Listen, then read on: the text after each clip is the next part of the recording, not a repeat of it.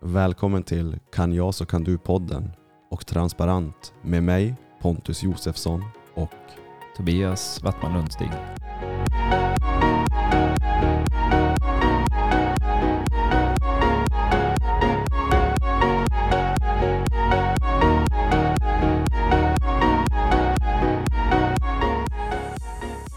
Nu sitter vi ner igen, det var ett tag sedan. Jag har haft semester, det har varit sommar. Färdigt höll jag på att säga, men det känns nästan som det när man, när man är ute här i Luleå. Ja, värmen kommer tillbaka, det gör den alltid. Mm. Det är, då ingen, det är någonting jag har lärt mig att en säsong som är under en viss period, det, det, det kommer och det går. Mm. Kommer alltid ett bakslag. Det kommer ett bakslag, det kommer ett uppsving och det kommer ett nedsving och ett sidosving och ett nackkast och ett, eh, en käpp i hjulet och en, Mm. ja, så vidare. Det kommer hela tiden. Mm. Varav eh, det buddhistiska uttrycket this too shall pass. Mm. Allting förändras. Dagens avsnitt, jag tänker vi hoppar in direkt. Mm. Om inte du har någonting du vill eh, inleda med. Nej, Du, du är okej? helt, ja, men jag är helt okej. Snart har du också semester.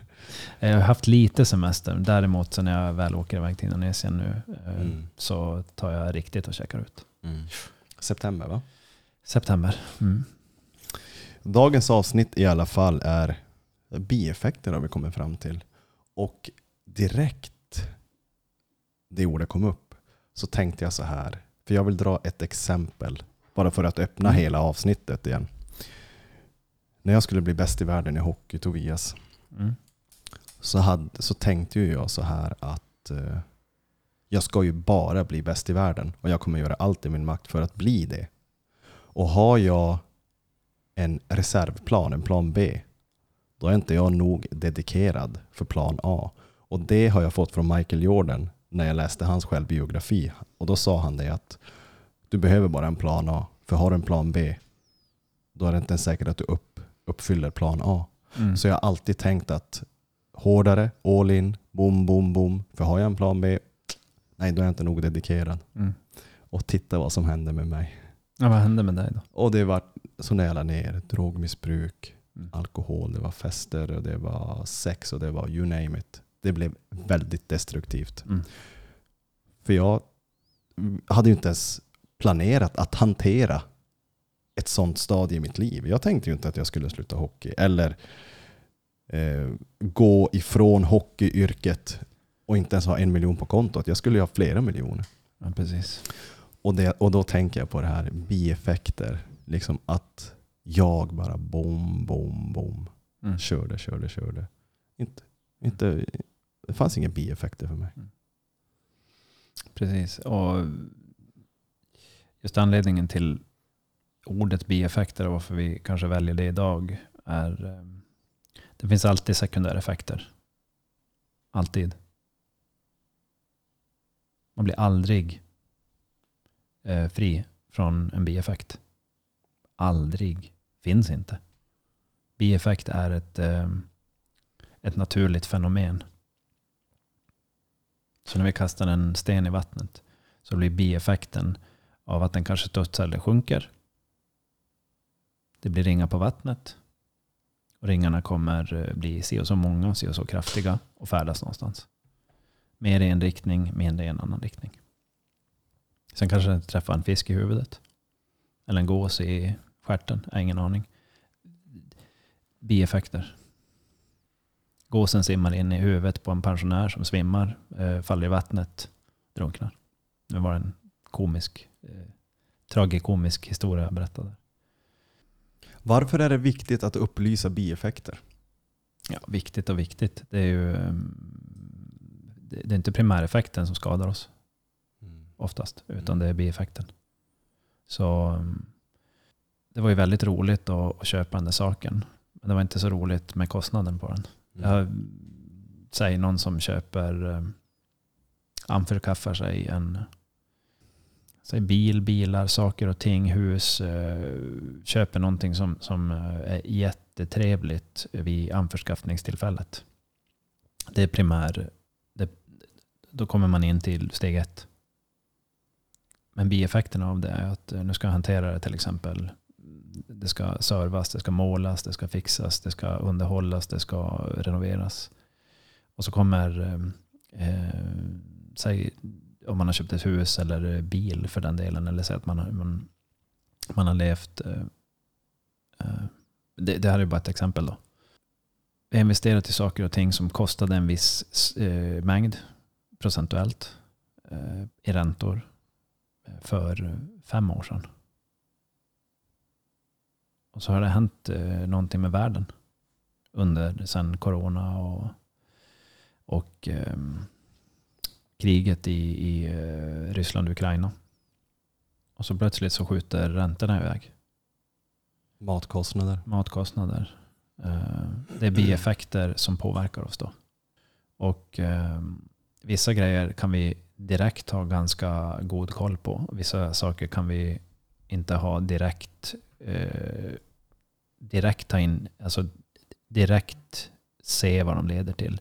Men däremot så kan vi, kan vi få, um, ja, man kan ta höjd för vissa saker som till exempel bankerna säger att uh, det är klokt att räkna med en ränta på, vad sa de, när vi tog lån?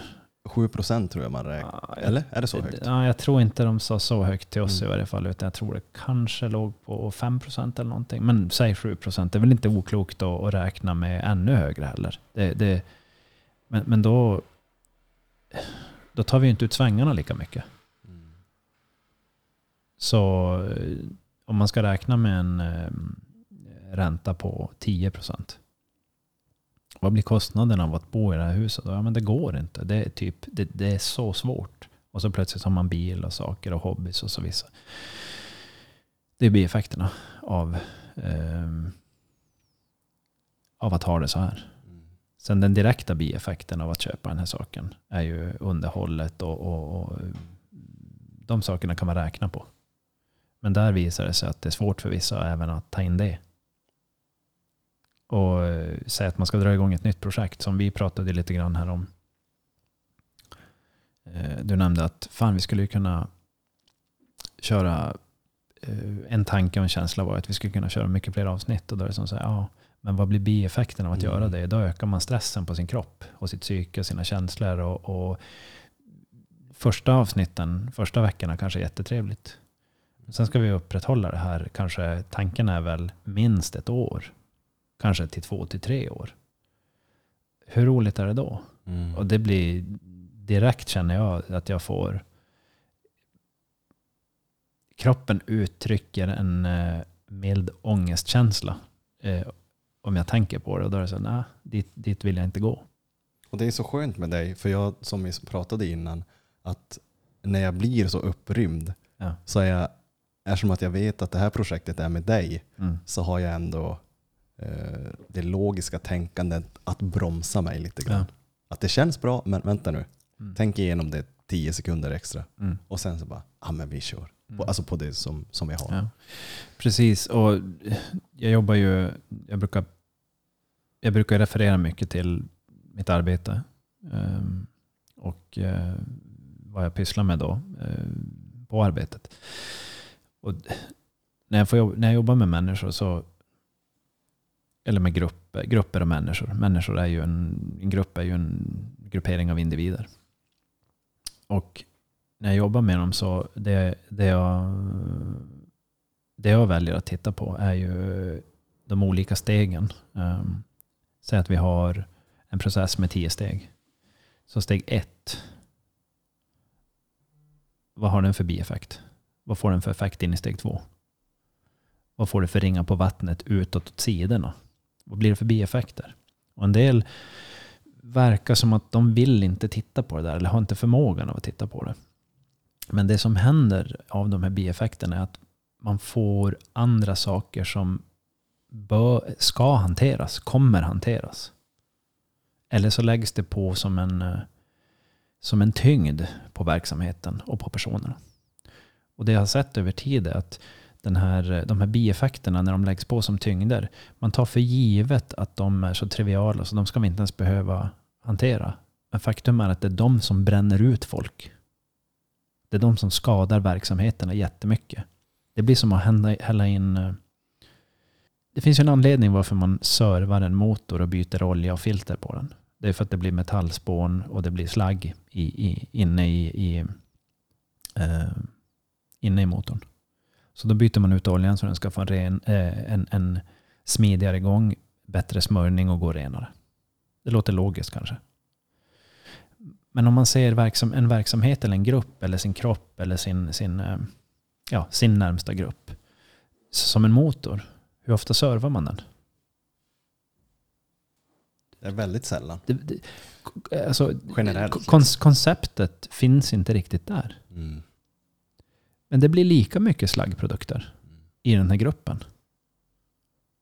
Och till slut så när slaggprodukterna samlas så blir det friktion. Och med friktionen byggs det upp värme. Eh, det börjar gå trögare. Och folk byter jobb, folk bränner ut sig, folk hamnar i konflikter. Och konflikter är helt naturliga att hamna i. Det är inte, det är inte negativt med konflikter. Det är bara vissa typer av konflikter är negativa. Eh, utmaningen som vi står inför när vi sätter igång processer, det är att hur, hur mycket av de här processerna klarar vi av att se? Och hur mycket klarar vi av att hantera? Och klarar vi att få hjälp att hantera de här bieffekterna som vi inte ens ser? Och det har jag sett när jag är ute på arbetsplatser och hos människor. Eller få, få, få, får anledning och tillåtelse att utforska och samtala om människors liv individuellt eller i grupper. Det jag ser är att man har inte riktigt förstått bieffekterna. Inte ens sett dem många gånger. Men när man börjar prata om dem så säger folk, men det här, det här känner ju jag igen. Det här händer ju hela tiden. Jo. Sen är nästa steg, hur tar man i de här på ett konstruktivt sätt så att man lättar dem och rensar ut dem? Och det gör man via samtal.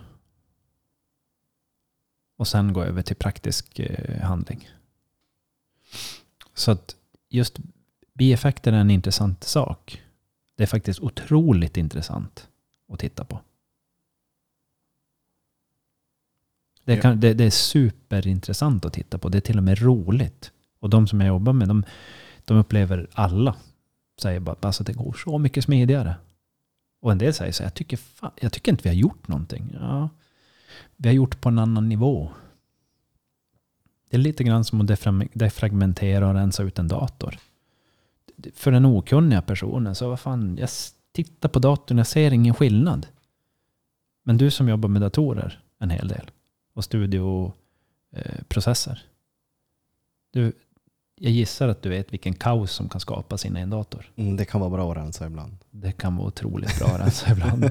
Det kan vara nödvändigt för om man inte gör det Mm. då blir plötsligt processen så överbelastande. Så det är svårt att fortsätta. Mm. Och jag tänker direkt, vad är bieffekten av att födas? Det är att dö. Sekundär, ja men precis, det är ju en av dem. Så, så att precis när du säger det där, att bieffekter, det finns i allt. Ja, ja, ja men det det, det, ett, det är ett naturligt det är en naturlig process, en naturligt Mm. fenomen, vad man än vill sätta för namn på det. det. Det går inte att ta bort dem. Mm. Det är inget påfund. Det är ingenting vi kommer kunna ta bort. Vi kan däremot hantera dem. Mm vara medveten om dem och jobba med dem. Så um, säg jag gillar att dricka kaffe. Hur många koppar kaffe klarar jag av att dricka före det bieffekterna, effekterna. de oönskvärda bieffekterna blir så stora så att den, den önskvärda effekten är inte bra nog. Och för mig så handlar det om en till två koppar per dag. Inte mer. Och det är nog för mig. Då behöver jag däremot ta bort det ibland också. Vilket jag gör. Jag är ganska känslig för koffein. Men däremot så går jag igång på det och mår bra av det också. Så det har inte bara positiva och inte bara negativa effekter. Mm. Träning, relationer, eh, arbete. Jag, jag, jag tycker jag har ett jätteroligt arbete. Däremot så har det en bieffekt till att om jag blir för engagerad i mitt arbete och för uppslukad så tar det för mycket energi av mig. En del säger att de kan jobba hur mycket som helst. Jag, fine. Okej. Jag är inte säker att det stämmer. För jag har sett personer som säger att de kan det och sen försvann de och så brände de ut sig. Personen var inte i kontakt med alla sidor till sig själv. Det har jag sett jättemånga gånger. Jag har till och med varit i, jag har berättat det lite grann i något tidigare avsnitt. Jag har sett personer arbeta ihjäl sig i nära relationer till oss. Så att alltså, dö, av för mycket stress. Och det har man till och med själv hört av människor i ens närhet. Att man har en, till exempel en, det första som ploppar upp en tjejkompis som sa att eh, ja, men det tog slut för att eh, min kille bara jobbade. Han bara jobba, jobba, jobba, jobba. Vi hade det jättebra men han bara jobba, jobba, jobba. Ja. Det, är inget, det är inte fel att jobba mycket. Absolut inte. Men som du säger, att hantera bieffekterna. Mm. Det är lite det det handlar om.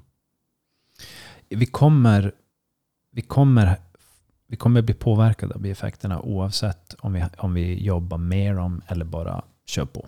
Mm. Punkt. Så, så är det. Och där kommer in en sån här stor punkt. Mm. Det, det finns inget annat alternativ. Det existerar inte. Mm. Däremot hur vi hanterar det. Och det är få saker jag säger. Det finns inget annat alternativ. Det finns inte. Mm. Det är ungefär som, som eh, livet och döden. Det finns de två. Vad, vad döden är vet vi inte. Vi vet att kroppen bryts ner och energin lämnar kroppen och, och en vacker dag finns vi inte här. Men det finns ju mycket lärda män som, twist, som är oeniga om, om vad livet och döden är. Det kan vi lämna till ett annat avsnitt. Men bieffekter eller sekundäreffekter de existerar överallt. Och har vi inte sett hur en bieffekt påverkar oss, då kan det vara så att den påverkar oss extremt negativt. När du säger inte sett hur den påverkar en, vad menar du då? Är det då att den kan ha skett och så har man inte förstått att det har skett? Säg en person som eh, inte riktigt tar hand om sin kropp. Mm dricker lite väl mycket stimulerande drycker som kaffe och energidrycker och så vidare. Har högt blodtryck. Har lätt till att bli irriterad. Har lätt till att bli arg.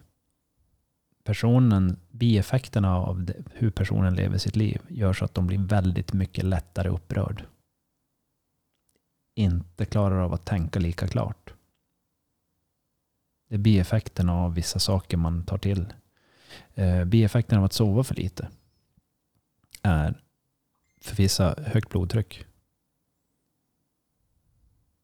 Taskiga eh, levnadsvanor under dagen. Hela tiden att toppa upp med, med stimulerande drycker. Koffein bland annat. I Sverige är det vanligt med koffein. För man är trött.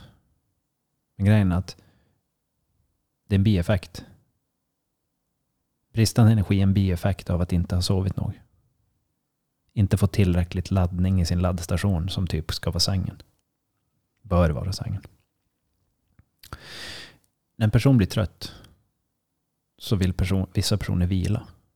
De ska egentligen göra tvärtom. De ska ta ut sig. Så att de kan somna tidigare. Det här, det här, det här är någonting jag eh, är inne nu när, när jag har tagit semester för att spåra lite grann eh, rytmer ut. Och eh, när vi åker och fiskar till exempel, då, då kanske man går och lägger sig på väldigt udda tider. Och det är väldigt skönt att vara borta, men jag märker att när jag, när jag, när jag inte får sova en viss mängd så mår jag inte så bra. Och då är frågan, att inte må bra, är det plötsligt en bieffekt då? Av att jag rubbar rytmen? Det blir ju det. Det blir ju det. Mm. Så frågan är då, var har man rubbat rytmerna när man inte mår så bra? Och till exempel eh, konflikten är en bieffekt när kommunikationen inte är nog klar. Personers syn på varandra som idioter kan vara en bieffekt av att vi förstår inte varandra. Många gånger när man säger så här att jag tror inte riktigt vi förstår varandra. Ja, men jag förstår precis vad den där personen menar. Eh, och den andra kan säga samma sak. När vi har satt oss ner och pratat så visar det sig att vi förstådde inte varandra. Så man såg det inte ens. Men det krävs också lite eget, eh, ansvar. Att, men till exempel när du tar det där kommunikationsexemplet. Mm. Men att se sitt eget ansvar, att se den andra. Ja, jo, absolut. Eh, ansvar, vad ska jag säga, öppenhet, ansvar, vilja, eh, nyfikenhet, eh, trygghet eh, och så vidare. Att sätta sig ner och säga, men jag kanske inte förstår det här. Och jag, att, att kunna vara öppen för att um, sätta sig ner och säga, jag vill titta på någonting, jag vet inte riktigt vart det ska leda. Det, så, det är ju så mitt yrke ser ut hela tiden. Mm. Någon kommer in med ont och så, jag vet inte riktigt vad det är. Ja, så börjar vi titta, så, ja, det, det och det och det. Och så sen smärta till exempel är ju en bieffekt av någonting. För, för eh, låg cirkulation, inte nog aktivitet, för stel ett område, det ger smärta, så smärta är en bieffekt. Äter vi däremot eh, medicin så är frågan om vi äter en smärtmedicin, vilket inte är dåligt att äta en smärtmedicin, men den löser inte alltid problemet. Det botar bara symptomen. Botar, det, det tar för tillfället bort symptom, symptomet. Mm. Men inte problemet. Nej, eh, inte om vi har ett, eh, ett problem. Mm. Så eh, däremot så kan det hjälpa till att, till, till att kroppen får slappna av. Och det i sin tur kan ju vara en del till att repa problemet eller läka ut problemet. Så att en smärtmedicin är någonting som är det kan användas väldigt klokt och väldigt oklokt. Mm.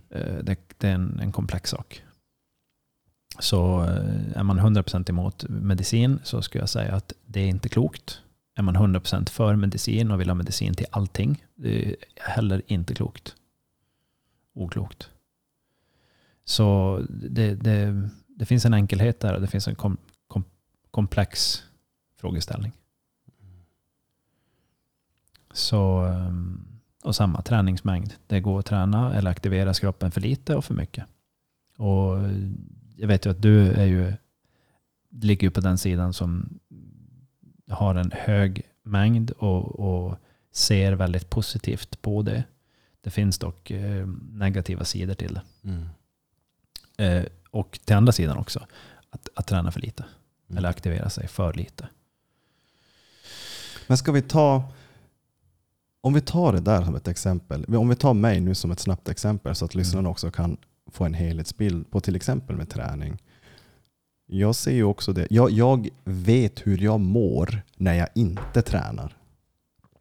Mm. Och det är ju då bieffekten av att inte träna. Mm. Och jag kommer mer och mer ju äldre jag blir, ju mer tillfreds jag blir i mig själv, Mm.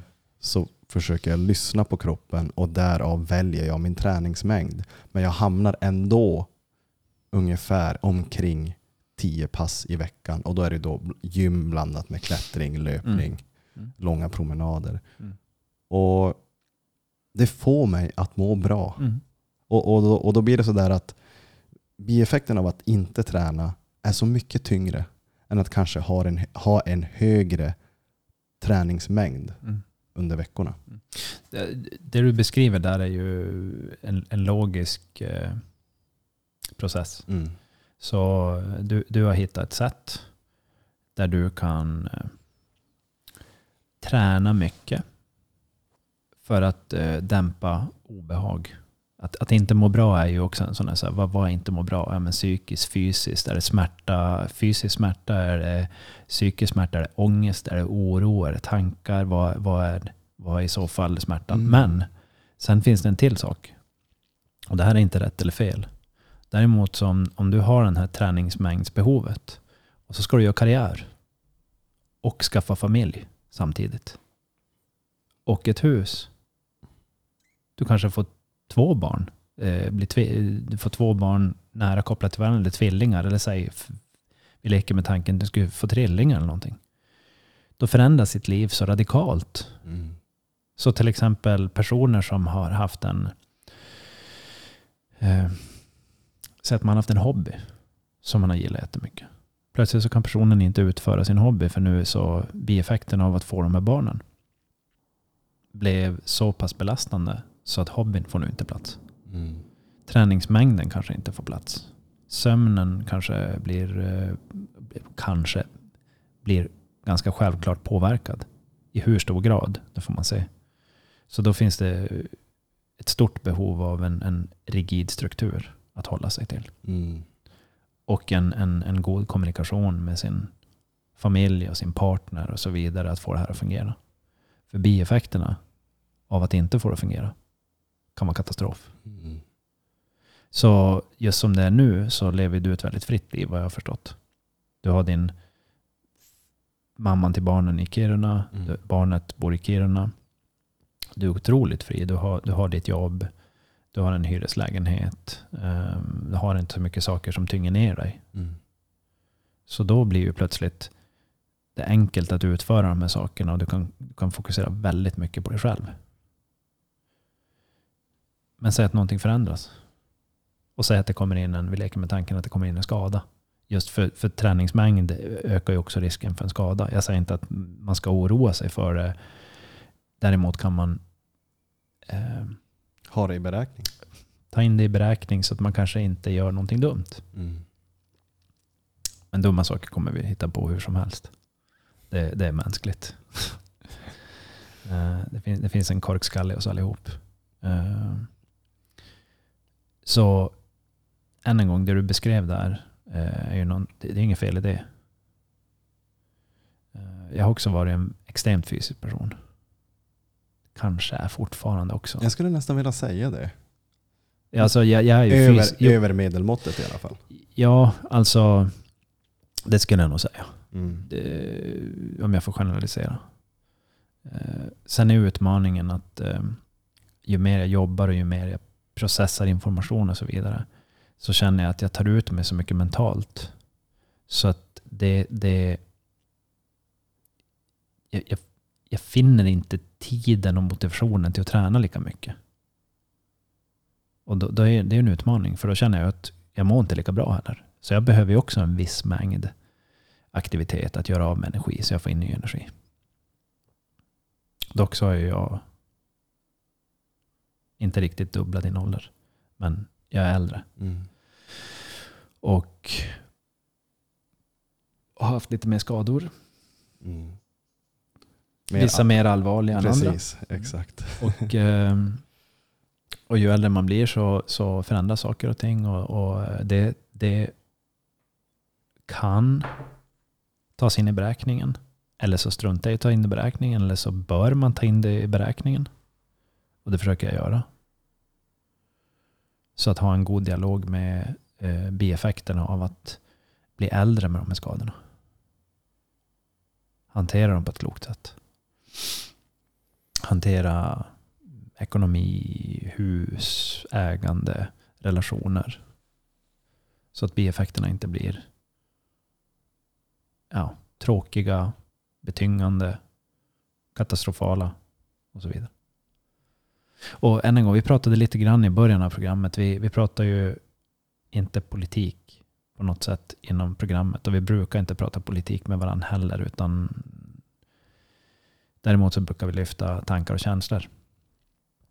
Eh, och då nämnde jag att jag var lite betyngd över den här situationen med koranbränningar. På grund, delvis på grund av att jag blir direkt eh, på något sätt påverkad av det. För när jag reser och surfar så reser jag till muslimska länder. Marocko brukar vi vara i. Eh, Det är ett arabiskt muslimskt land.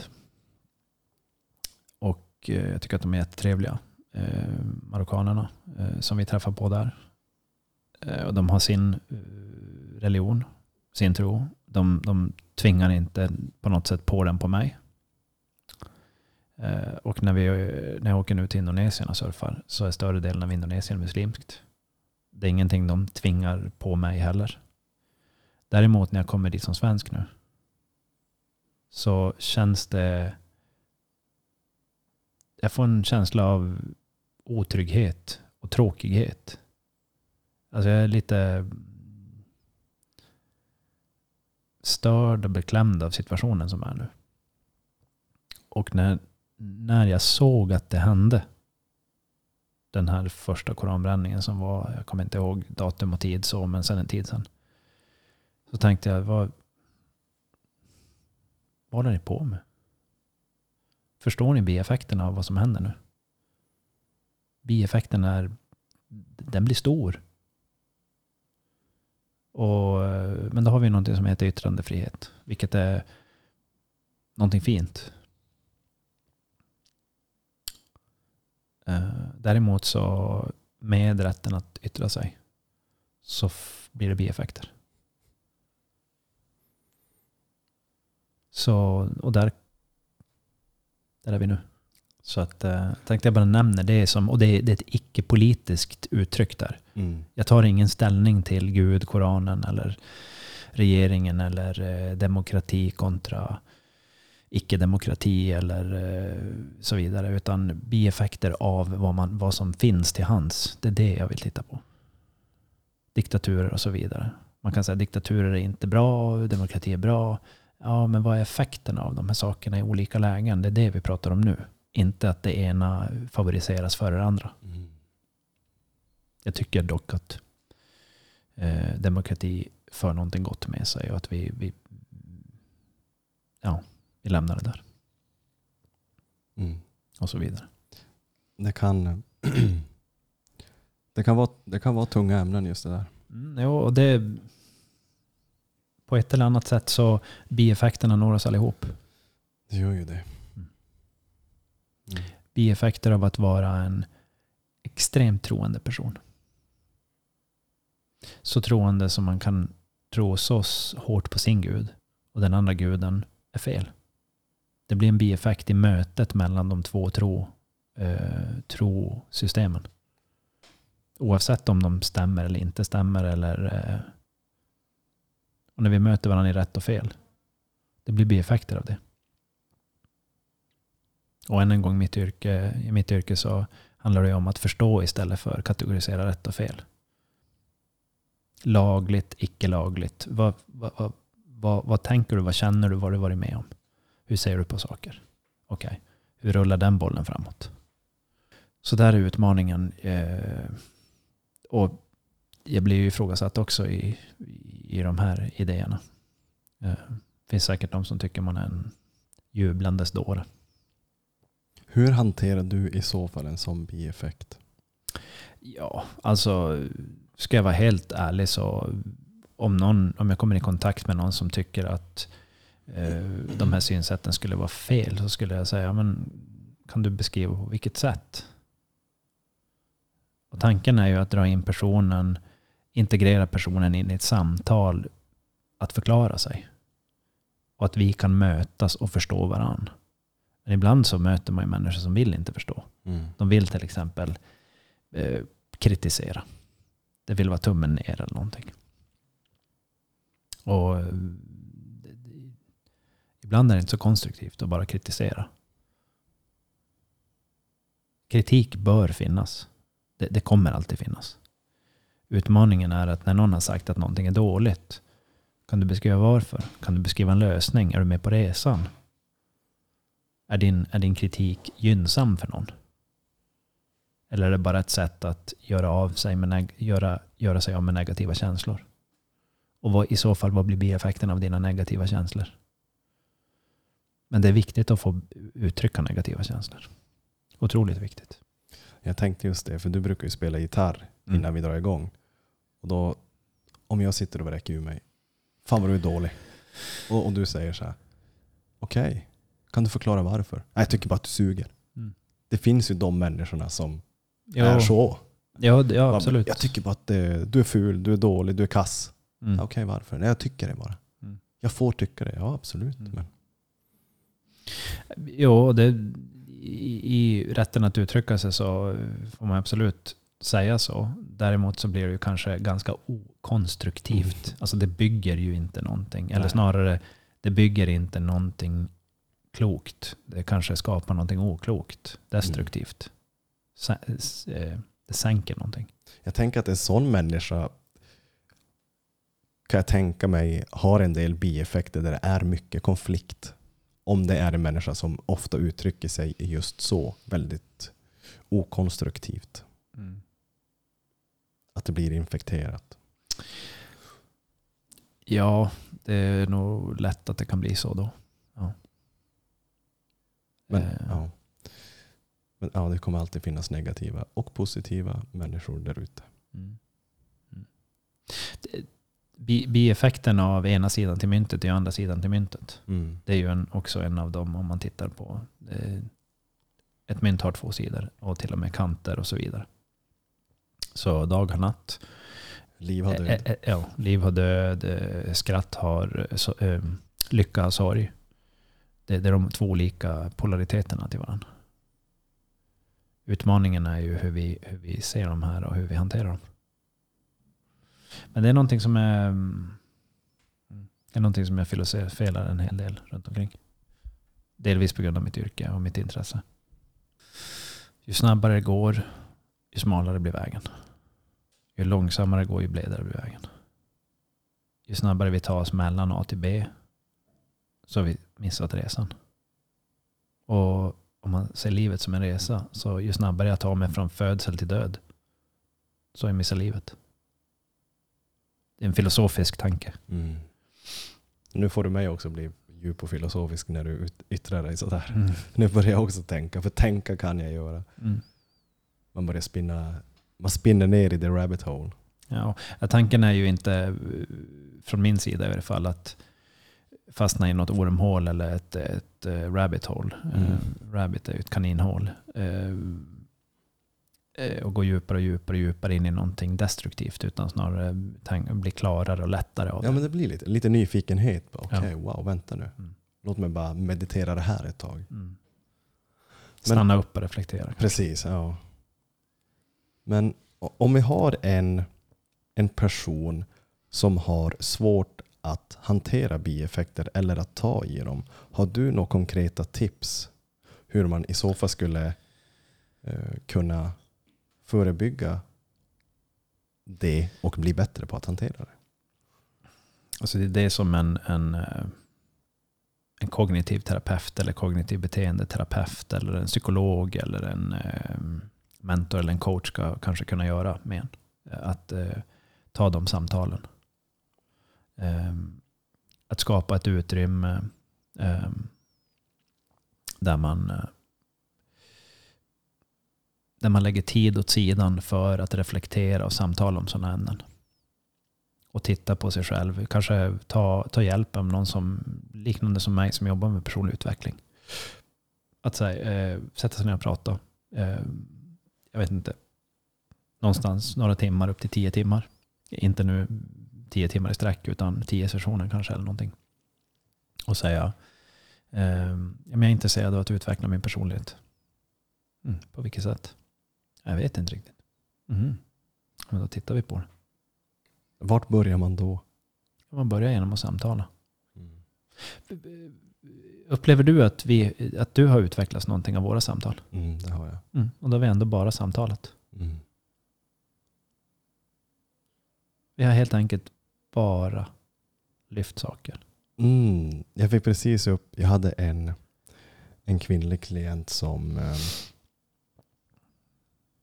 som hörde av sig till mig och vi pratade. Och slutsatsen blev att ja, man yttrar sig och man luftar, man vädrar, ventilerar. Mm. Och i slutändan var det bara det att hon hade ingen att prata med. Mm. Hon hade ett bra liv. Och det kunde hon också erkänna. Men hon hade ingen att prata med om de här sakerna. Mm. Känslor, tankar. Och sen bara boom, Mm. bara vände. Mm. Och så enkelt kan det vara ibland. Och då, eller enkelt inom Ja, situationstecken. precis, det, man behöver inte... Det, det, är ju, det är ju faktiskt väldigt enkelt. Mm. Det är ju inte för att göra det förminskade. Som att enkelt är någonting litet och dåligt. Utan det är ju faktiskt den där enkelheten som man, som man faktiskt finner svar. Mm. Så det där du beskriver, det är otroligt vanligt. Det, Mm. Känner du igen det? ja, men, jag satt och gjorde om min hemsida lite grann i helgen. Eller lite grann en hel, jag satt en hel dag med den och gjorde om den och skrev. Eh, och jag, jag är lite lätt dyslektisk. Och eh, jag gör allting själv. Sen så tar jag in lite, alltså, jag tar lite feedback ibland. Men då märker jag att en del är inte så bra på feedback. Så då blev ah, det har svårt att ta till mig. Men när jag ska beskriva hur faktiskt enkelt det är att jobba med människor och grupper. Så är det så komplicerat att förklara i text. Mm. Så när jag skriver så är det så här. Jag tycker jag förklarar mig själv ganska bra. Så läser jag igenom det. Så, um, det som är grejen är att du uttryckte det väldigt bra där tyckte jag. Den här personen som hörde av sig. Eh, det jag egentligen gör när jag kommer in med människor. Det är att jag bara lyfter olika saker som, som de aldrig riktigt har tagit sig tid eller utrymme för att prata om. Och när vi lyfter de här sakerna då märker vi att vi hittar en massa saker. Ibland är det bara så att personen behövde lyfta dem. Ibland är det så att man lyfter någonting som man hittar som man behöver titta djupare i. Det vet man inte förrän man börjar. Men det är faktiskt väldigt enkelt. Många uttrycker det som lite skrämmande eller... För jag vet, man inte, jag vet ju inte vad vi hittar här. Nej. Jag vet inte det. Men det är någonting som finns där. Så superenkelt. Och när vi har lättat lyft på någonting så brukar personen känna att ja, men det blir faktiskt lättare att utföra till och med det här. Det blev, och sen behövde jag, ibland behövde jag inte göra någonting. Jag behövde bara lyfta det. För jag har aldrig fått lyfta just det där. Och att hitta just den, den relationen eller dynamiken då man kan lyfta de här sakerna. Och det är delvis rollen som en coach eller terapeut eller liknande har. Eh, så att när jag är ute då på företag som jag har avtal med så är jag ute minst en gång i månaden. Och det är en halv dag eller något sånt eh, i vissa företag. Då går jag omkring och pratar med folk och många gånger så pratar vi bara om livet och bara vi garvar och skulle någon stå och lyssna och säga så här, det där är ju inte arbetsrelaterat. Nej, men utmaningen är att vi vet inte när och när vi inte kommer, kommer ha en arbetsrelaterad sak. Men det vi har är att vi, vi, vi har en trevlig stund. Men i den här trevliga stunden kan det plötsligt komma fram väldigt viktig information. Mm.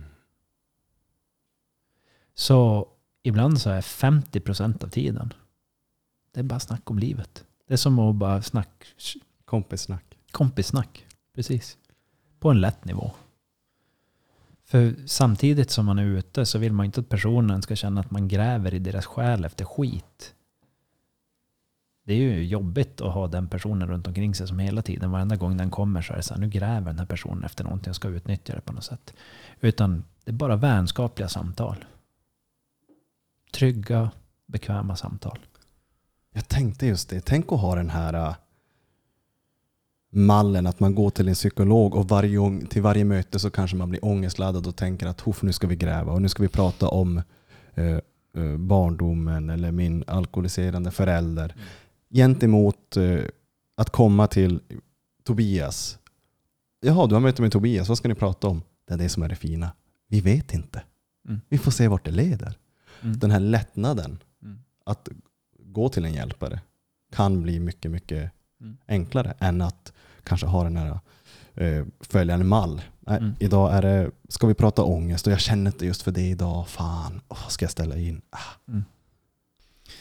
Så det, det, blir ju en, en skiftande aura där. Mm. Och i, i, allt det här så kommer det fram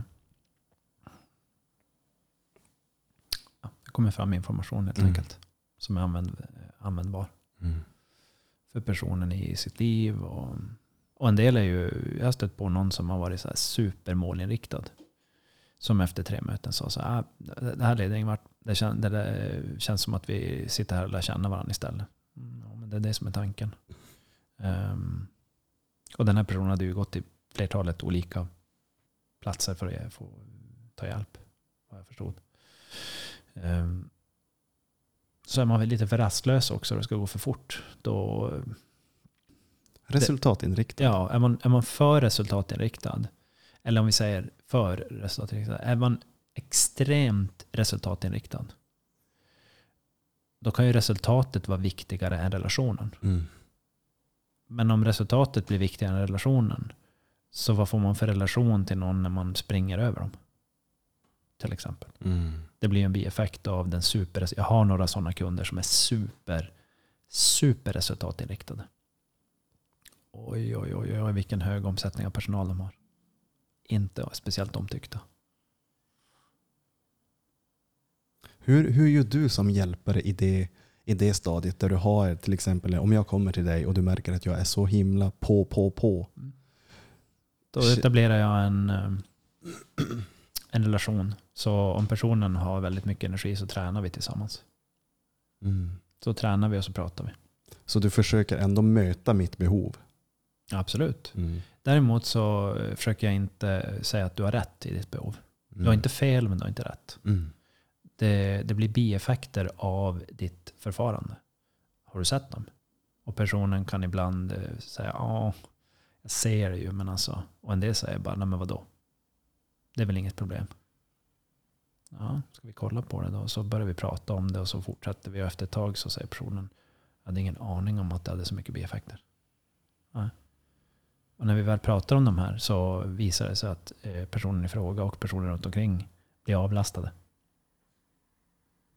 För personen hade haft så hög fart. Så det var som en stridstank som plöjde fram.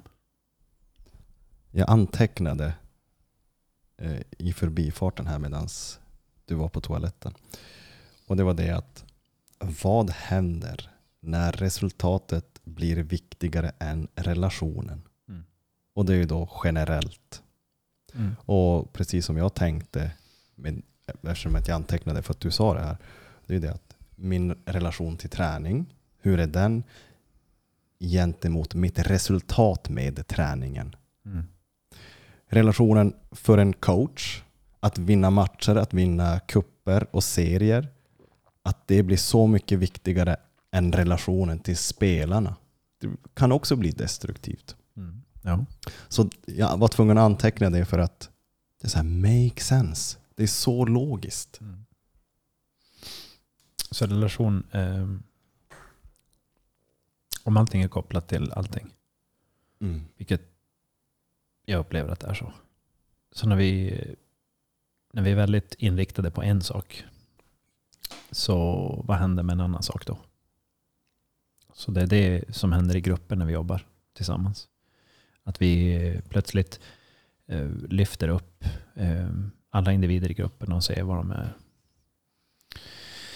bra på kontra inte så bra på, har för utvecklingsbehov, har för funktionsnedsättningar eller styrkor och svagheter, vad man nu vill sätta för namn på de här sakerna.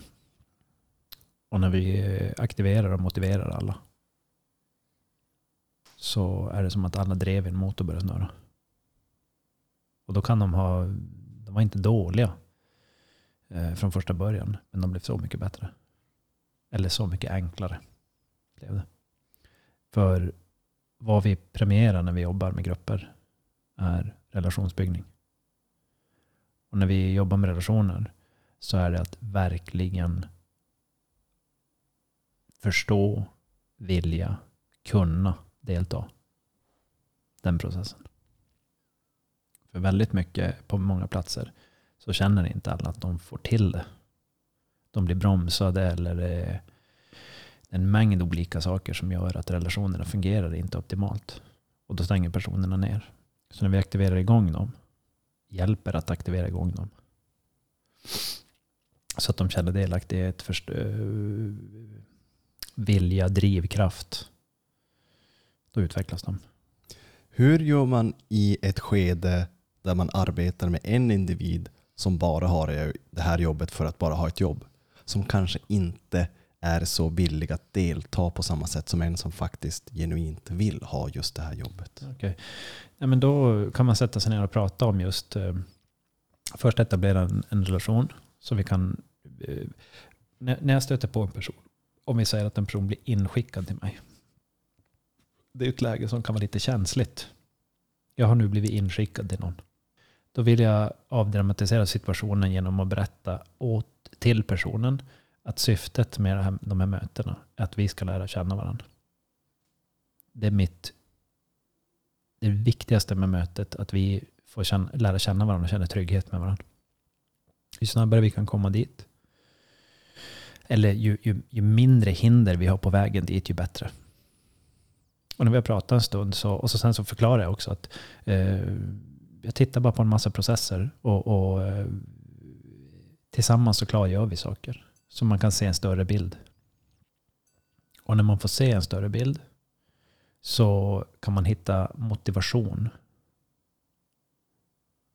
För saknas motivation, då, eh, då har man gjort sig själv en otjänst. Så det vi vill göra är att hitta, hitta förståelse, mening och motivation. För saknas mening och motivation med det man gör, då jobbar man i motvind med sig själv. Men hittar man mening och motivation, då blir allt så mycket mer givande. Mm. Finns det mening, då är det mycket enklare. Det finns ett talesätt också som säger att eh, ge en man en mening så ska du få se på fan. Mm. Och det, nu, nu, just i det ordspråket så använder de just män. Vi, vi, är väl olika av naturen. Ja, men, men, men är också man, det är också människa. Mm. Och det finns ett till uttryck som, som jag... Eh, ja, det, det finns det här uttrycket. If there is a will, there is a way. Det är lite grann, du kan aldrig slå någon som aldrig ger upp. Ja, slå precis. Alltså inte, inte slå, slå, nej, utan nej. komma slå före. Ut, ja. Utmaningen är ju bara, finns det, alltså, finns det en vilja så finns det en väg. Mm. Um, finns det drivkraft och vilja, det kan flytta berg. Mm. Och det kan verkligen flytta berg. Mm. Det, det, det, kan det. Det kan ta oss till månen och förbi. Så att, eh, att hitta den här drivkraften eh, Eh, hitta meningar. Hitta förståelse, hitta sammanhang. Förstå, förstå vad syftet är. Förstå ett större syfte kanske också. Och också förstå att till exempel den här chefen eller de här grupper, grupperna som vi jobbar med med människor.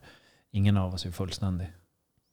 Och eh, många av de här människorna har sina utmaningar. Men att kunna centrera sig runt att eh, hitta en mening som är givande. Och hittar vi den meningen eller få prata ut. Och, och åtminstone inte hitta en mening som är destruktiv. För en del har ju meningar som är destruktiva. Till exempel, det, det här är inte givande, jag gör det bara för pengarna. Mm. Fortsätt repetera det där för dig själv så blir det ganska tungt till slut. Om det inte redan är det. Men genom att hitta meningar, för det finns meningar. Det finns hur många meningar som helst. Om vi hittar dem då kan det vara som att hålla i en drake som lyfter oss. Just det där med meningar, det är ett väldigt komplext område.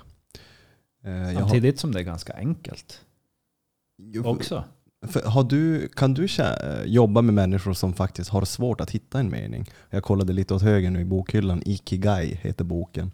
Och det är japanska filosofin eh, till ett eh, hälsosamt liv. Ja, longevity. För de gjorde en en, eh, jag vet inte om jag pratade om det i podden, men en liten studie där de åkte dit och mm. pratade med de som lever längst i världen, där mm. medelåldern är högst. Mm. Och det alla sa det var mening med livet. Mm. Mm. Och, och den, för den kan ju vara svår att hitta som, som människa överlag. Jag, men när du säger enkelt, hur menar du då? Jag tror inte att den är svår att hitta. För att? Därför att den är inte det. Men om vi inte hittar den och inte vet hur vi tar oss dit, då kan man väldigt fort säga att någonting är svårt. Mm. Men om du åker till Ikigai så plötsligt är det enkelt. Mm. Så om, mm. om du åker dit och pratar med dem, säger de samma sak? Nej men det här är ju svårt det vi gör. Ikigai är själva ordspråket för Ja. ett långvarigt liv. Utmaningen är att eh, när, jag, när jag åker till eh, min stuga, huset på landet som jag har. Det som plötsligt infinner sig då är en märklig känsla av frid och ro. En frid och ro som jag tycker är utmanande att hitta när jag är hemma i stan. Om jag är i stan och tänker att jag ska ha frid och ro hela tiden. Eller en hög grad av det. Kontra att jag, att jag åker till landet och får det. Den kommer så enkelt när jag är där. Mm. Hur är dina sömnmönster jämfört i stugan Alltså- och hemma? Alltså när jag sover i stugan, och det sa Sandra var med nu till stugan i helgen. Och alltså, vi gick och la oss kanske nio, nej vänta, tio. Tio somnade vi kanske, gick och la oss strax före. Och så vaknade vi åtta på morgonen. Det är tio timmars sömn. Oavbrutet, vaknade inte en enda gång. mm. När gjorde du det sist? Faktiskt förra helgen när vi var ute i... För varför jag frågar just sömnmönstret är för att i Päronens stuga ute i Sikfors och det är också just vid älven. Det finns bara en granne 50 meter bort.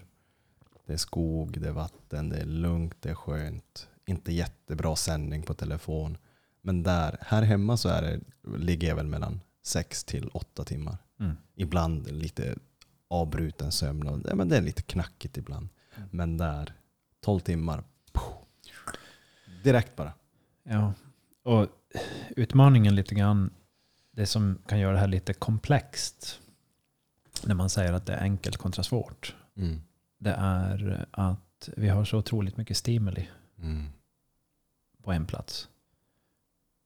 Och inte alls mycket stimuli på den andra platsen. Mm. Och stimuli, eller stimulans, stressfaktorer, de är så många när, man är, eh, när vi befinner oss i en eh, urban miljö. Mm. Och då är frågan, vad gör de med oss? Och då kan man säga, det är svårt säger man när man bor i stan. Men testa att åka ut i skogen och tälta. Eller åk till en stuga i skogen. Hyr en stuga i skogen en stund. Med jämna mellanrum. Vi hyr ut vår stuga till fiskare och, och skogsvandrare och folk som bara vill vara på landet och ta semester. För de som undrar då, vart kan man hitta då eran, vart kan man hyra er stuga? Om någon nu får för sig att göra det. jag, jag brukade ha ut den på Blocket eller på, vad heter det, Airbnb, men jag har inte uppdaterat eh, allting som behövs. Så man skulle egentligen bara kunna höra av sig till oss. Eh, Mm. Det är bara att gå in på min hemsida och hämta mitt, mina kontaktuppgifter och skriva till mig om man vill. Eh, annars kommer jag lägga ut den igen på Airbnb inom kort. Och, eh, men hur som helst då. Har man inte den där stugan på landet eller den här roplatsen eh, där man kan koppla bort allting, riktigt koppla bort allting. Så testa att göra det. För det är otroligt kraftfullt. Och då plötsligt så kommer man lite grann till ikigai-tänket. Um, om man skalar bort, tillåts att skala bort all stimuli. All, all faktiskt onödig stimuli. Som vi utsätts för eller tar in i våra liv. Så blir plötsligt uh, saker och ting enklare. Och om vi kan hitta en mening med att skala av och komma till att bli jordad, eh, komma till ro, som att det är fyllt med värde istället för att vara mer stimulerad, att det är fyllt med värde. För mer stimulerad stressar oss. Om någon säger att det inte gör det så stämmer det inte. Men sen kan en del uppskatta det mer än andra och det är väldigt stimulerande. Men det är stressande för oss. För just exemplen som tas upp där, eh, det är det att man har i ungefär 100% av fallen som de tar upp i boken Mm. så är det det att alla har en trädgård att sköta om. Till Precis. exempel. Och när vi, trädgården i, i, i min stuga. Jag brukar, jag brukar alltid säga så här att nu, som till exempel nu i helgen så har jag klippt gräset. Och det är en ganska stor gräsmatta. Um, så brukar jag säga att jag har klippt farmor och farfars gräs. För det är farmor och farfars hus. Eller var farmor och farfars hus. Men nu är det vårat hus. Men det är fortfarande farmor och farfars hus. Så jag, när, jag, när jag fixar någonting eller jag repar någonting. Jag reparerade en torkställning. Eh, med lite av saker som farfar hade sparat från den tiden. Så jag köper inte helst nya saker dit, utan jag repar med det. För det var så farfar gjorde. Så jag, jag, jag beter mig lite som farfar när jag är där. Jag repar med lite undermåliga saker. Uh, för det ska inte vara top of the line allting. Även fast det är ett arbete att klippa den här gräsmattan så är det så tillfredsställande. Och när den är klippt så är det, kan, jag gå, kan jag bara stå och titta på den eller ta en promenad. Och det är så berikande känsla. Men jag tänker just att, att hitta dit. Och precis som du säger, den här med stimulansen vi har hela tiden. Vi hinner aldrig bli nöjd att bara ha en trädgård att sköta om. Mm. Till exempel.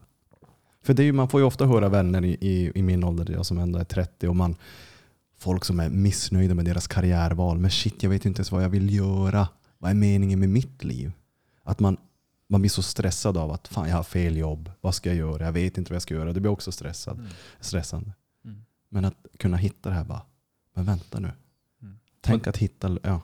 Det, det, kan man ju, det kan man ju samtala om och sortera och filtrera när man träffar någon och pratar om det. Till exempel någon som mig. Um, för vi har en massa orosmoment runt omkring oss. Och om vi oroar oss mycket, då har vi kanske gjort det till en mening. Utan att vi förstår att det är det som är vår mening nu. Meningen är ju för mig nu att tänka så mycket så jag oroar mig. Men vad händer om din mening är att jorda dig själv med? Ta en paus. Mm. Och, och, det är jättevanligt att, att eh, som till exempel nu ska jag åka och fiska till helgen. Då åker vi upp till dina gamla trakter. Tält. Vi köper lite mat blåser upp liggunderlagen, en, en luft, eh, uppblåsbar kudde. Har kläder för väder och vind. Gör lite eld. Och meningen är typ, sätter oss ner och tar det lugnt. Så fiskar vi lite grann när vi känner att vi har behov, vilja. Men om någon kommer med och säger så här, nu ska vi fiska, fiska, fiska, fiska, fiska, fiska, fiska. Då brukar jag säga så här, du ska nog stanna hemma.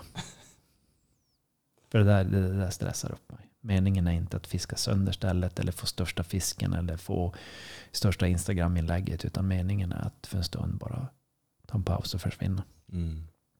Jag hade en sån vän med mig här för några helger sedan var vi iväg och fiska. Han och jag. Och um, det var en av de lugnaste och trevligaste fiskeresorna jag varit på. För han var ute efter precis samma sak. Så vi eh, samtalade, tog lite promenader, vi fiskade, fick jättegott om här, fick någon liten öring också. Badade i älven. Eh, gjorde jättegoda färska fish tacos på nyfångad här som just bara, det var tio minuter sedan den, den hade plockats upp från älven.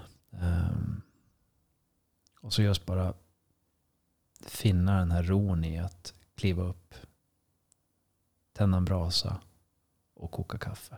Och att, att själva den handlingen får en mening för i, för i vardagen. Mm.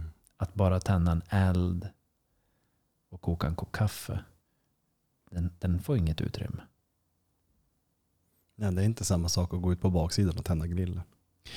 Men grillen, det handlar, det handlar lite grann om att det, det blir en... Um, man skapar som ett, ett utrymme för den specifika saken som man gör mm. får ett större värde. Mm.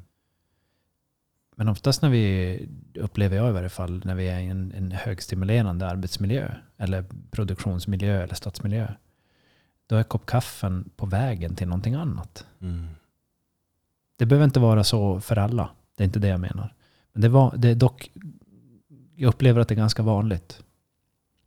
Och då, då eh, eh och en del säger, nej men jag tar ju en pa- kaffepaus här. Ja, jo, bra.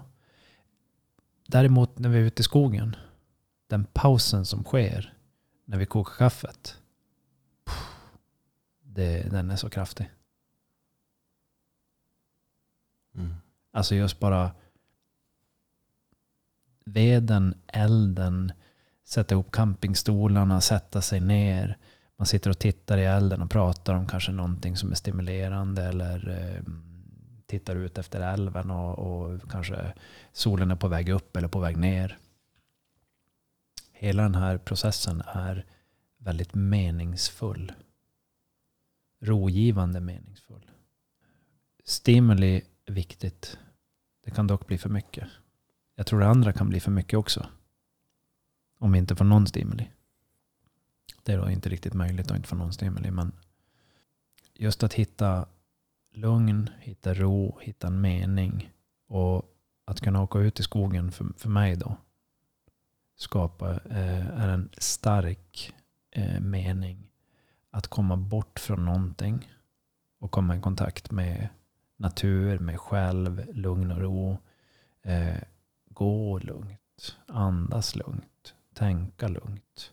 Inte ha några möten som, som, som ska hanteras.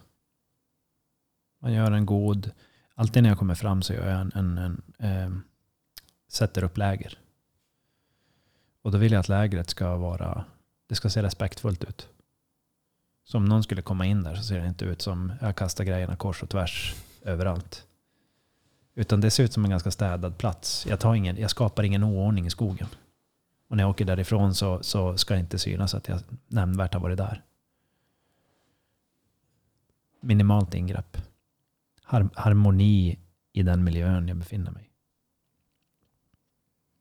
Det är en intressant grej att få till det. Det är otroligt bekvämt. Det, är som att, det känns som att eh, jag och skogen vill ha varandra nära varandra. Istället för att skogen säger så här, kan du inte bara dra hem? Men det ligger ju någonting elektriskt i naturen. Ja, det är många som säger det. Alltså liksom bara eh, min egen känsla. Mm. Och, och sen då samtidigt människor som faktiskt påstår det. Ja, det, det sägs ju att det finns mycket forskning på det också. Jag vet inte om jag behöver ens det. Det, är- det är där. Nej, ens, ens egna upplevelser Mm. kan ju räcka faktiskt. Och när man går omkring också i skogen så, eh, för att samla in ved.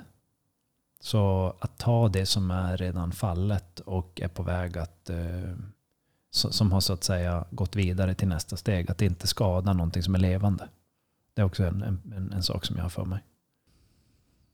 Och alla de här sakerna. Och inte ta upp eh, för mycket fisk. Vi tar bara upp det vi äter. Den processen är också behaglig. Att kunna ta in någonting och sen släppa vidare. Catch and release som det kallas inom fiske, sportfiskevärlden. Mm. Så den meningen, eh, att göra det och sen sätta in det i en... Eh, nej, det är bra tack. Eh, sätta in det i en eh, kontinuitet och en struktur. Så att man får det eh, återkommande gånger. Eh, bieffekten av att göra det är otroligt behaglig. Läkande för kroppen skulle jag säga. för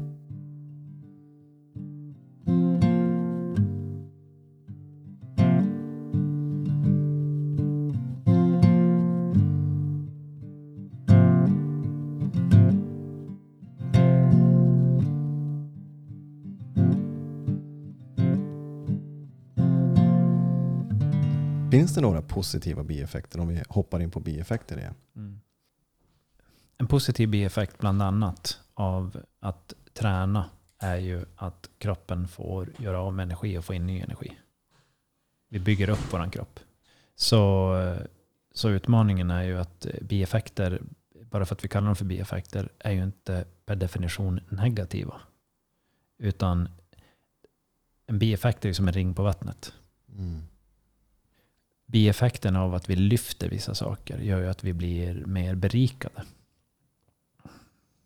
Bieffekten av att inte lyfta någonting. vad blir den? Bieffekten av att träna en viss mängd är ju jättehälsosam. Brukar man, säger man inte då, när man refererar till just okay, vad, att träna, säger man bieffekten eller säger man i så fall om man menar positivt, vad är fördelen? Ja, men då blir ju alltså fördel, nackdel. Men det är ju också Okej. en sekundär effekt. Mm. Sekundäreffekten av att lyfta en vikt är ju Just att det. du blir stark. Mm.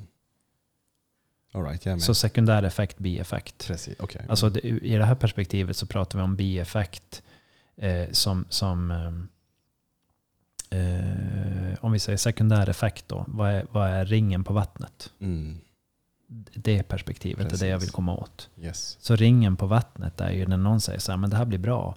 Jo, men vad blir en annan... Blir, blir det, finns det positiva och negativa effekter som kommer i, i, i några steg framåt? Mm. Och då kan man ju lätt säga bieffekt negativ, eh, positivt positivt. Mm. Bieffekt, vad finns det för bieffekter om vi, säger, om vi sätter så här, bieffekter, alla effekter?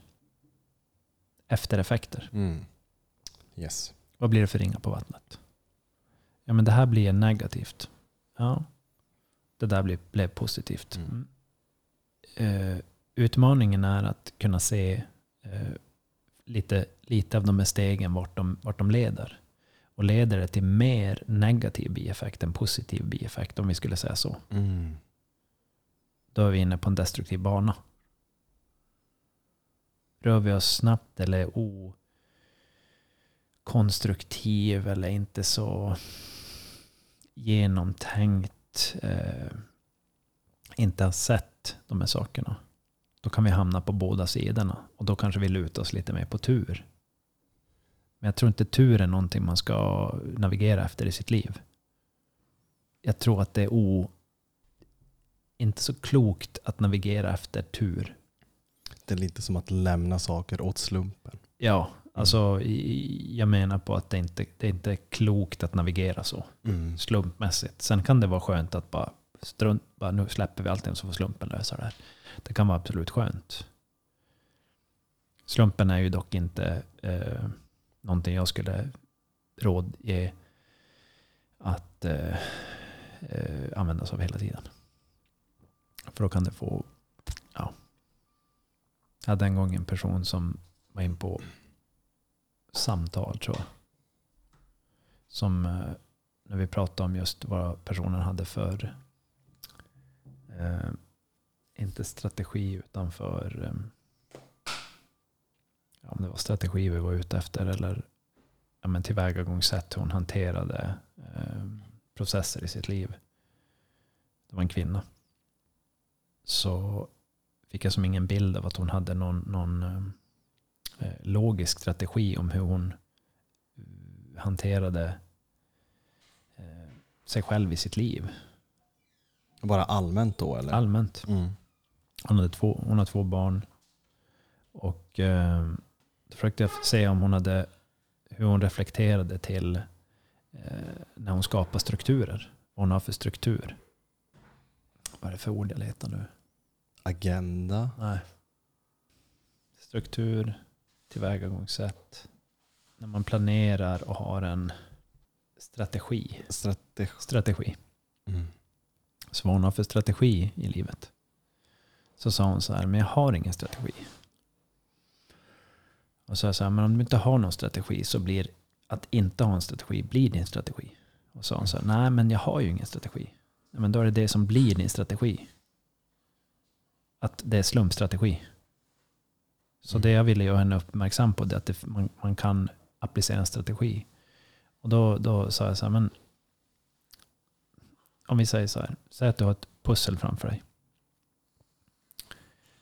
Så finns det olika strategier för hur man lägger ett pussel. Så jag kan lägga ut alla bitar. Man kan börja kolla efter färgskalor, om det finns nummer eller om det finns ett, man ser ett mönster eller någonting. Så man letar någonting. Eller så tar man alla bitar och så bara kastar man dem rakt upp i himlen och så hoppar man så att när de landar så ska de landa perfekt. Och hon sa, men det är så jag gör. Mm. Då blir det din strategi. Det blir kaosstrategi. Slump och kaos. Och det blir kaos av det. väldigt frekvent kommer det bli kaos. Nej, men så, så ser inte jag på det, sa hon. Nej, men vad är det du har då? Och hon sa, ja det är ju lite kaotiskt. Exakt. Så det som du har behov av att göra, då vill jag se sekundäreffekterna och bieffekterna av ditt förfarande. Mm. Så om du sätter upp en strategi, så vad blir bieffekterna av det? Och då hade hon eh, innan det också berättat att hon hade träffat en psykolog som hon hade argumenterat väldigt mycket och den tyckte den var otroligt... Hon hade nämnt att den, ja, de hade hamnat i, jag vet inte om det var konflikt, men hon, hon tyckte inte om den, det den här personen hade att säga.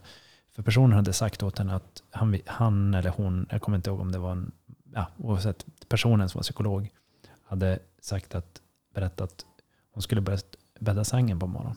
Okej. Mm. Mm. Och så sa hon att det var det, var det mest befängda hon hade hört, så hon ville inte gå tillbaka dit. Och så, så här, förklarade någonsin personen varför du ska göra det? Nej. Mm.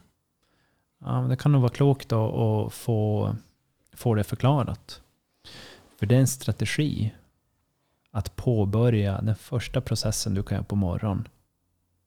Att inte lämna den till slump, utan att sätta en struktur. Och hon bara, ja, men det vill jag inte göra. Eh, för jag tror inte, det är inte det jag behöver hjälp med. Då är det, så här, ja, det är precis där problemet är. Det är nog det du har ett behov att få hjälp med. Det som är utmaningen är att se det och förstå det.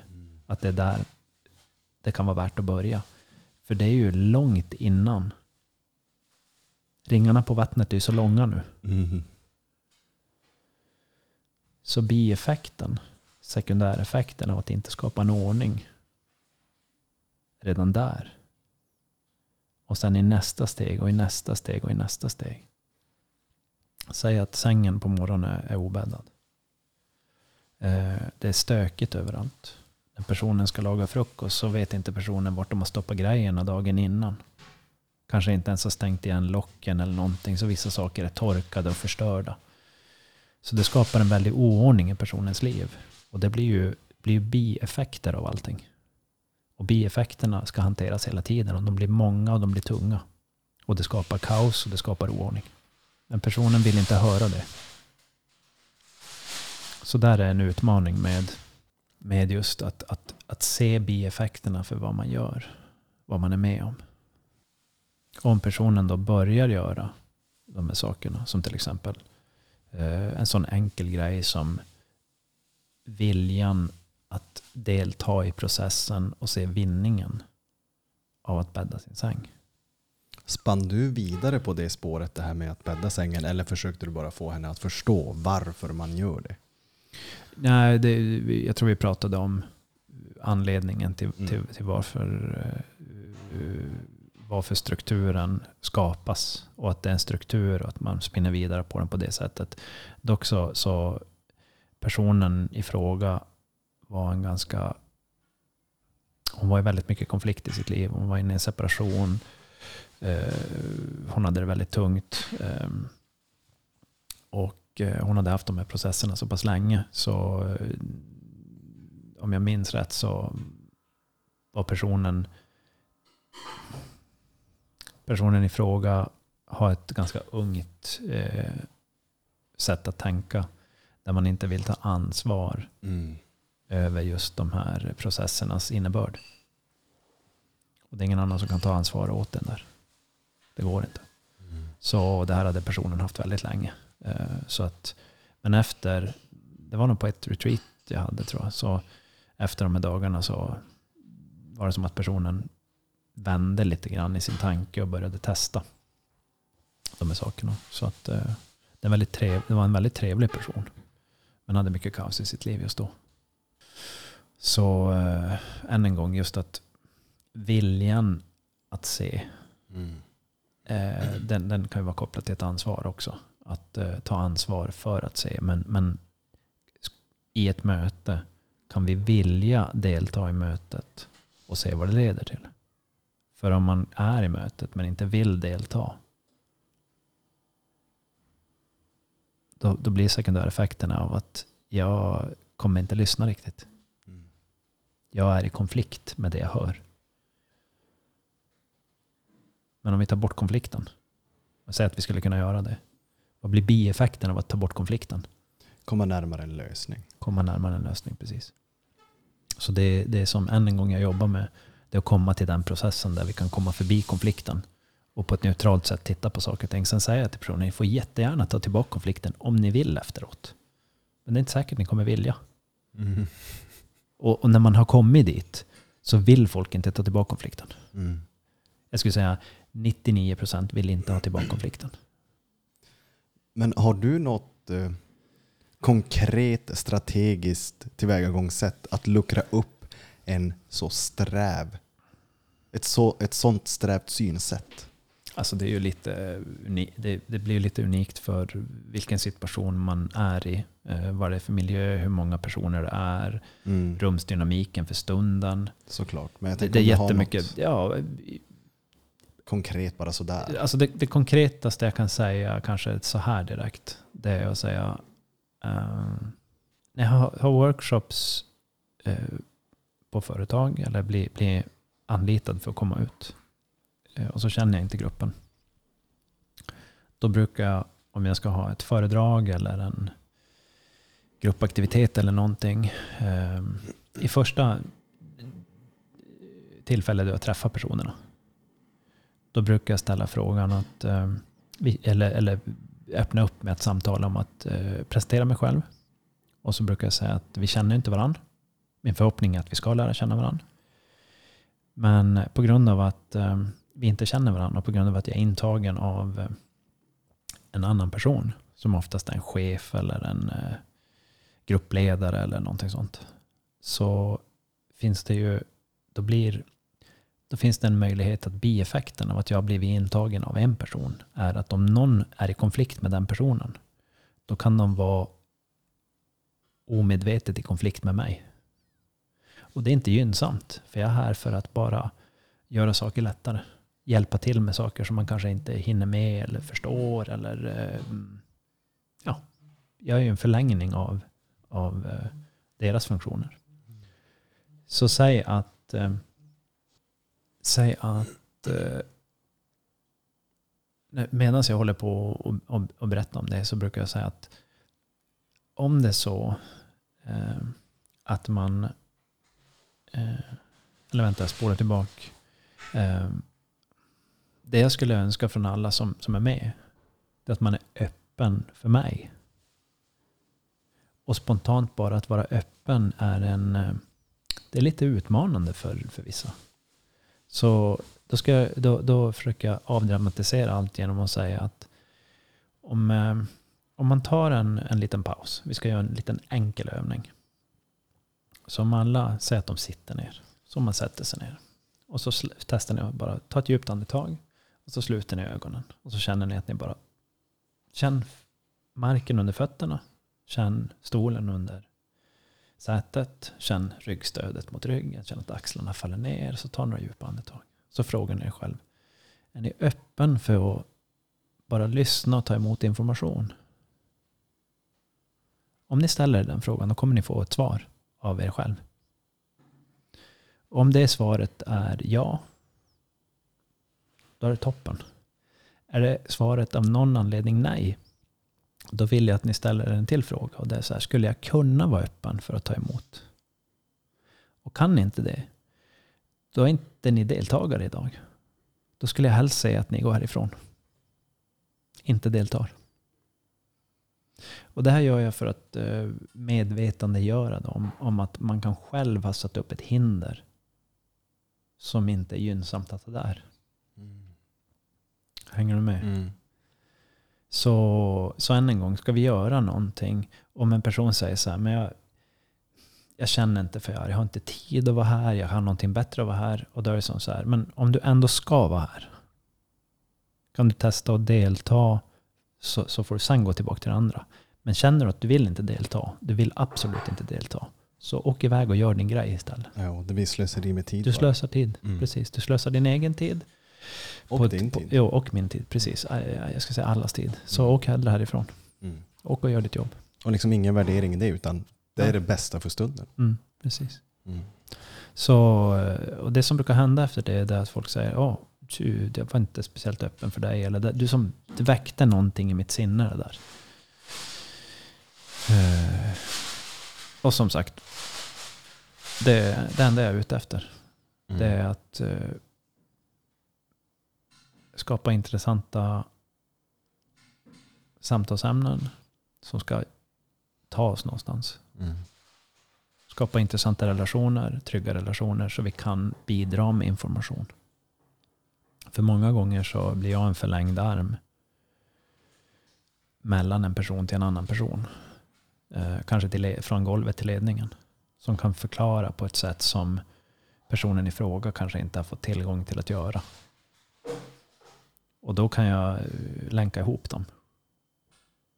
Och när jag kan länka ihop dem, då förstår de varandra mer och kan lösa mer problem. Mm.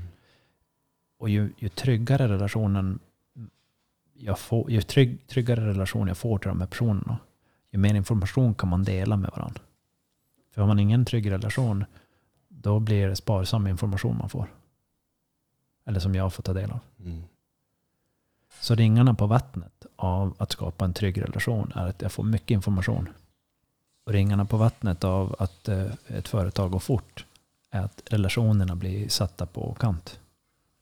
För det går så, det går så fort i en viss riktning. Eller man, man hinner inte lyssna eller klarar inte av att lyssna på varandra. Så man ser inte farorna eller möjligheterna heller alltid. Så det är ju än en gång bieffekter. Mm. Positiva och negativa. Tack för idag Tobias. Det var skönt att vara tillbaka. Jo, tack för idag. Och till er där ute, på återseende så hörs vi. Ha det gott. Hej då. Hej.